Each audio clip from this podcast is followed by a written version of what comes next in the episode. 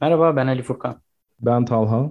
Bugün Cahil Hoca Podcast serisinin üçüncü bölümüyle karşınızdayız. Bugün zekaların eşitliği üzerine konuşacağız. Önceki bölümlerde kısaca bahsetmiştik. Büyük ihtimalle kitaptaki en çarpıcı e, ifadelerden birisi bu. Sağduyuya çok yakın bir ifade değil. Ama biz bunu biraz daha derinlemesine inceleyip yazarın neden böyle düşündüğünü e, ifade etmeye çalışacağız. Ayrıca web sitemiz cahilhoca.com üzerinden sizlerle basit bir düşünce deneyi paylaştık. İlk bölümde öğrencilerin ellerinde çift dilli bir kitap vardı ve bu kitapta cümleleri karşılaştırarak 6 ay içerisinde Fransızca öğrendiklerini konuşmuştuk. Bu tecrübeyi yaşamak için çok ufak bir deney hazırladık. 4 tane Fransızca cümle paylaştık. Bu cümlelerden ilk üçünün Türkçe çevirisi mevcut çevirisi olan üç cümle üzerine akıl yürüterek dördüncü cümleyi Fransızcaya çevirebilir misiniz? Deney bu kadar. Şu ana kadar sorduğumuz kişilerden yaklaşık %30'u buna doğru cevap verebildi. Eğer ilginizi çektiyse cahilhoca.com'da ve podcast açıklamalarında bu deneyi bulabilirsiniz. Önceki bölümlerle alakalı henüz uygulanabilir herhangi bir öneride bulunmadığınız şeklinde bir yorum geldi. Şu anda kitabın incelemesine devam ediyoruz ve bitirdikten sonra belki ayrı bir bölümle uygulanabilir çözüm önerilerimizi derli toplu bir şekilde sunacağız. Hatta bunu manifesto şeklinde sitemizde de yayınlayabiliriz yazılı bir şekilde. Şimdi tekrar konumuza dönersek zekaların eşitliği konusunda evrensel eğitimin söylediği şeyi baştan ifade edelim. Biz çocukları zekaların eşitliği kanısına göre yönetiyoruz.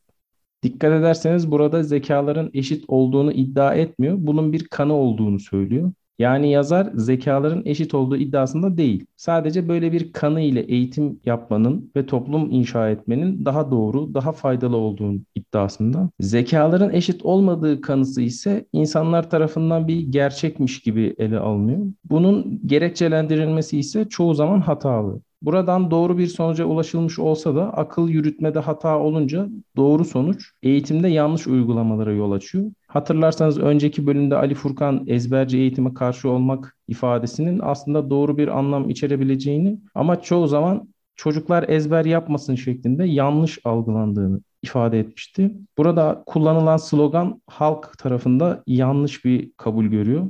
Bir diğer sorun da şu, zekayı tanımlamak ve ölçmek çok zor. İki öğrencinin zekaları eşit mi değil mi? Bunu nasıl tespit edebilirsiniz? Şu an geleneksel eğitim sistemi çocukları zekaları üzerinden bir sıralamaya koymaya çalışır ve zekanın ölçüsünü sonuçlarından tanıyabiliriz şeklinde bir genel kabul var. Biz de bu genel kabulü devam ettireceğiz aslında. Yani bunu kabul edelim. E, zekaları sonuçlarından tanımaya çalışalım diyeceğiz ve yapılan ak- akıl yürütmeleri değerlendireceğiz şimdi. Yazar neden zekalar eşit değil sorusuna verilen bazı cevapları incelemiş. Mesela bunlardan ilki şu. İnsanlar çeşitlidir. Yani nasıl doğada birebir aynı iki adet yaprak yoksa birebir aynı iki zeka da yoktur. Çünkü zeka zaten yapraktan daha kompleks bir şey. O zaman yapraklar gibi bütün zekalar da farklıdır. İkinci muhtemelen daha güçlü argüman da şuradan geliyor. Yani daha güçlü argümandan kastettiğim bizim gözlemlerimiz. Hatta bu gözlemi böyle biraz şartları eşitleyerek yapalım. Diyelim ki aynı ortamda büyümüş iki kardeş var. Bunlardan birisi diğerinden daha başarılı olacaktır. Genellikle bunu aşağı yukarı pek çok kişi gözlemlemiştir. Zekayı eğer sadece sonuçlarından tanıyabileceksek birinin diğerinden daha zeki olduğunu söyleyemez miyiz? İkinci iddia da bu. İlk iddia başarısız bir analoji çünkü yani yaprakların farklı olması Artı arada kurulan böyle bir analoji var. Yani yapraklar farklı, beyin daha kompleks bir şey. O zaman o da farklı olmak zorunda. Yani bu başarısız analoji üzerinden zekaların farklı olduğu düşüncesine gitmek doğru değil diyor yazar. İkincisi üzerinde daha çok durmuş. Çünkü bu muhtemelen zekaların eşit olmadığı kanısında en çok kullanılan akıl yürütmelerden birisi.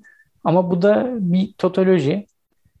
Çünkü şöyle diyoruz. Çocuk neden daha zeki? Çünkü daha başarılı. Neden daha başarılı? Çünkü daha zeki.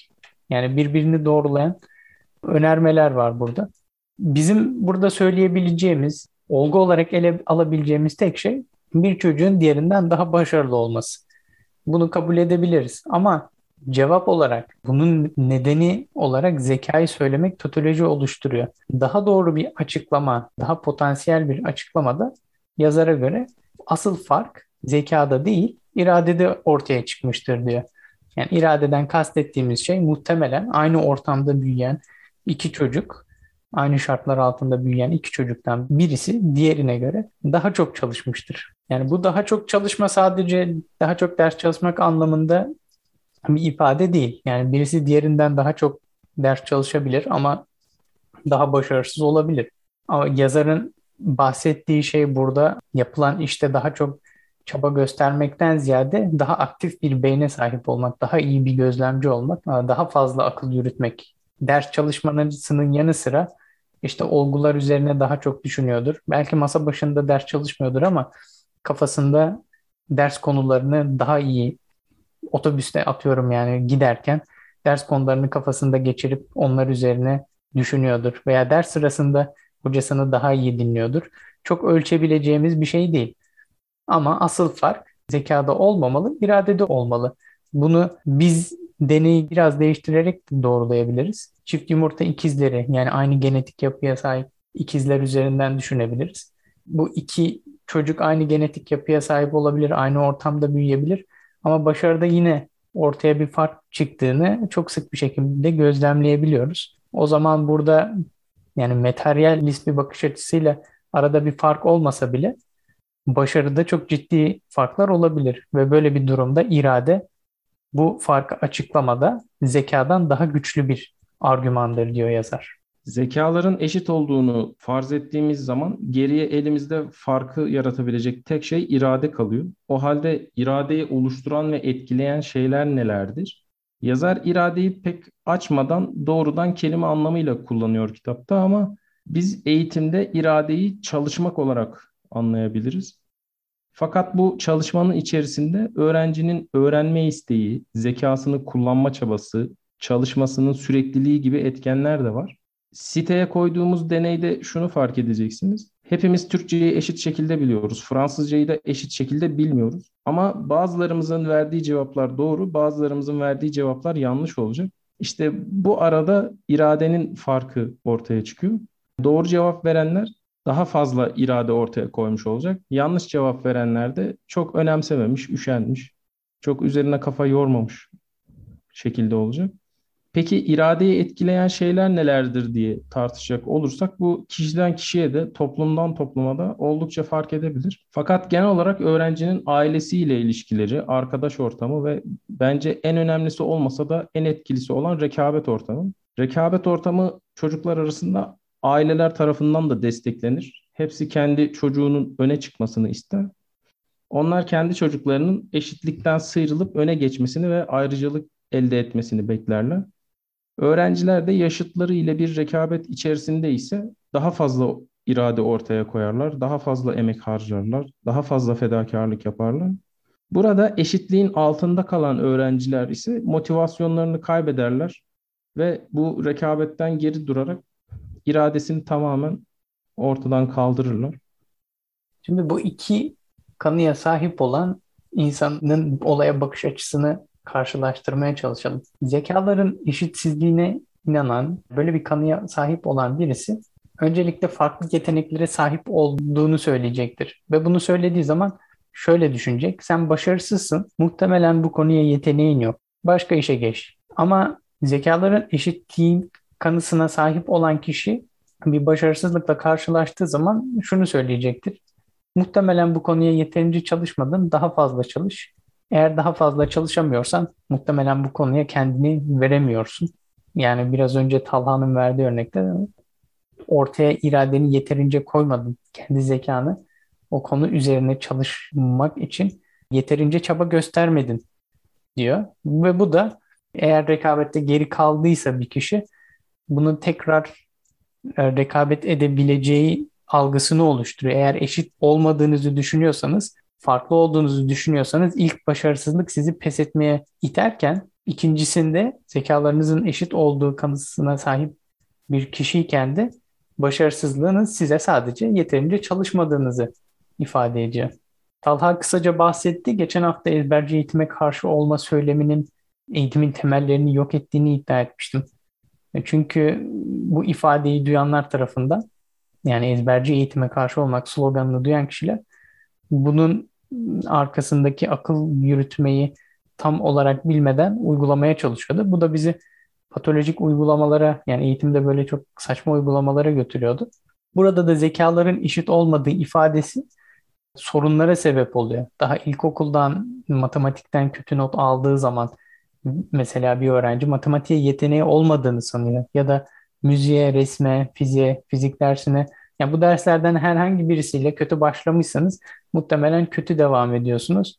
Burada da kendi düşüncenizi doğrulamış oluyorsunuz. Yani matematiğe yeteneğim yok diyorsun. Matematiğe çalışma motivasyonunu kaybediyorsun ve bu birikimli olarak ilerliyor. Artık lise bittiği zaman, üniversite bittiği zaman birikime sahip olmadığın için gerçekten matematiğin, öğrencinin matematiği kötü olmuş oluyor.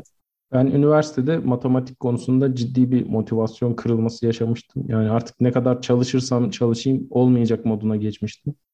Evet, bende de farklı konularda oldu bu durum. Mesela eskiden şöyle bir kanıya sahiptim. Yani aslında hala çok yanlış değil. Ben konuşmayı beceremiyorum.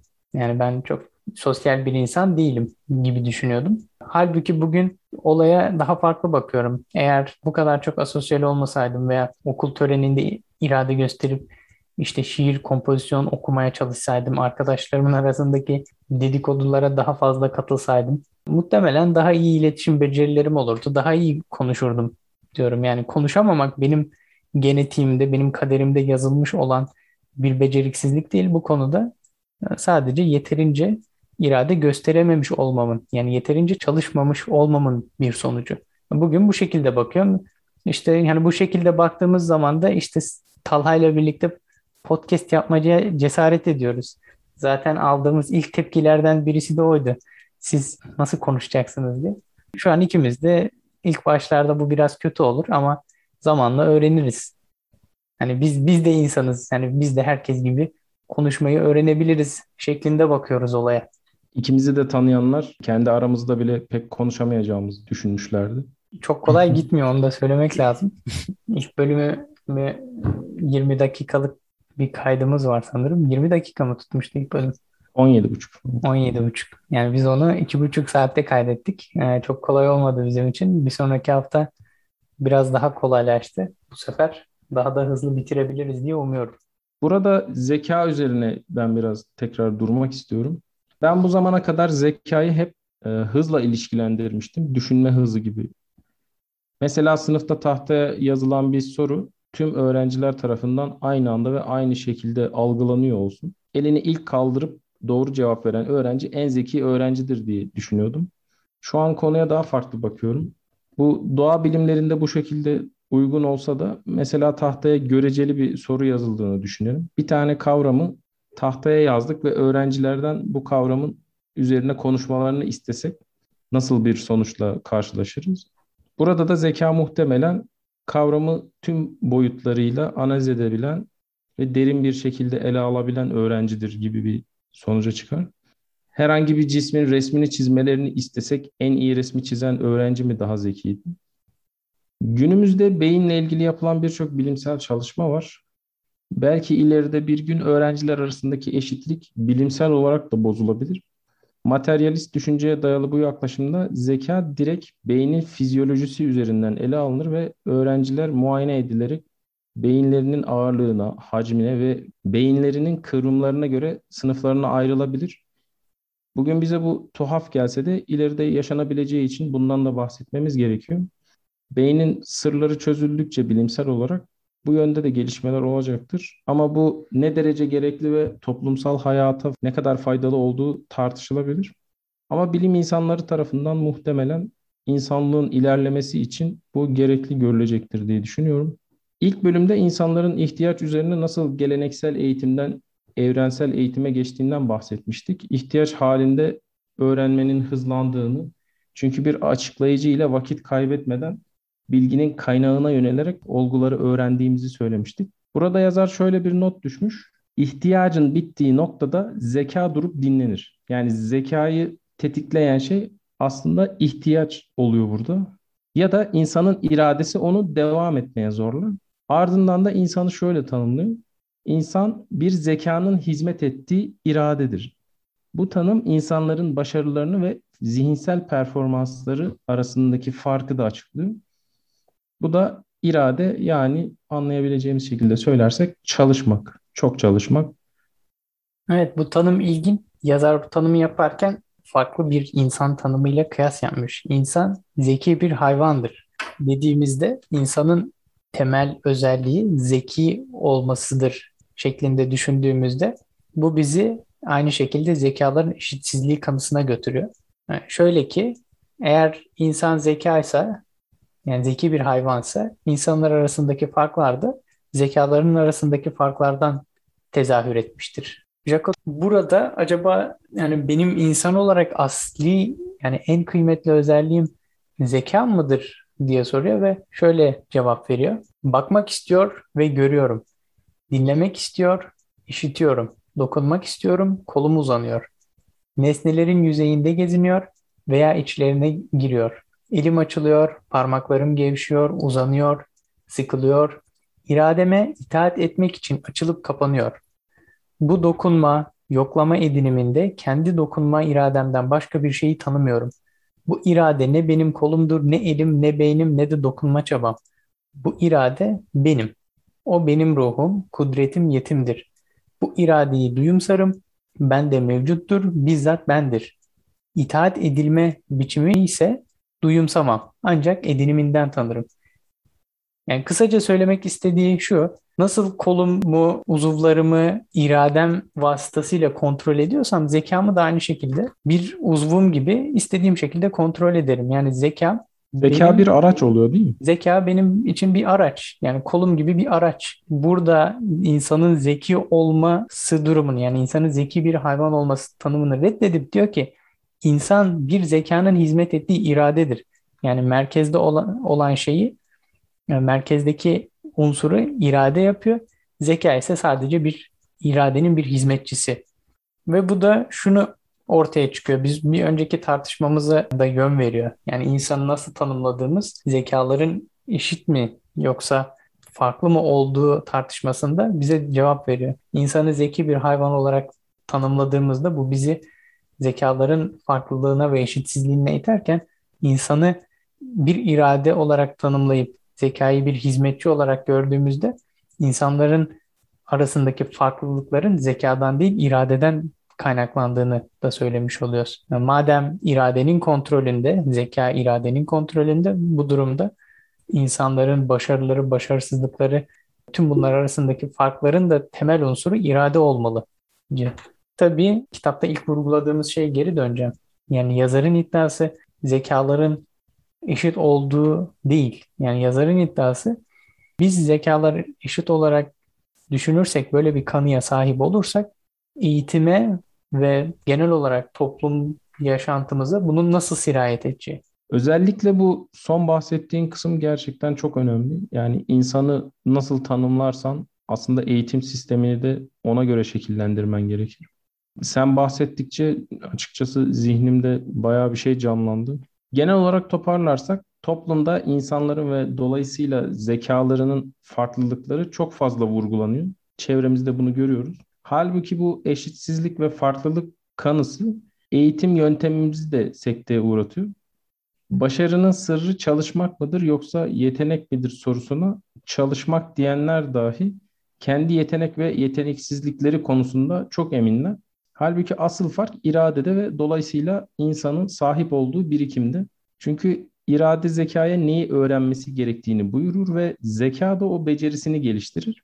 Zekaların eşitliği kanısı ise bizim eğitim sorunlarımızın büyük bir kısmına cevap veriyor.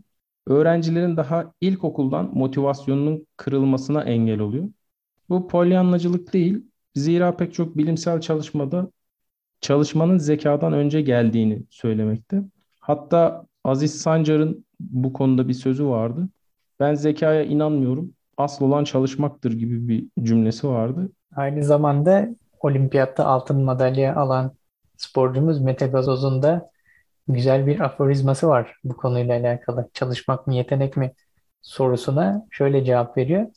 yeteneksizleri ortalama insanların üzerine çıkartır. Çalışmak ise sizi yetenekli insanların üzerine çıkartır.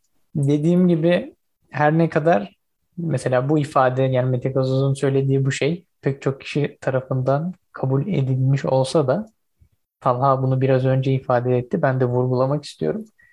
Biz hala yeteneklerimize ve farklılıklarımıza çok fazla önem veriyoruz. Yani bunların yani gerçekten bir konuda yeteneğimiz olup olmadığı konusunda çok eminiz. Bu e, doğru değil. Zekalar gerçekten eşit olmayabilir. Aradaki farklar çok ufak farklar. Asıl olan burada irade ve eğer zekalar eşit değil diyeceksek bile zekaların eşitliğinin bu aradaki farkın çok ufak olduğunun bilincinde olup eğitim hayatımızda ona göre şekillendirmemiz gerekiyor. Burada sınav bahsi açılabilir. Bunu sonraki bölümlerde de konuşabiliriz. Aslında sınavlar neyi ölçüyor? Sınav bizim zekamızı mı ölçüyor, yeteneğimizi mi ölçüyor yoksa irademizi mi ölçüyor?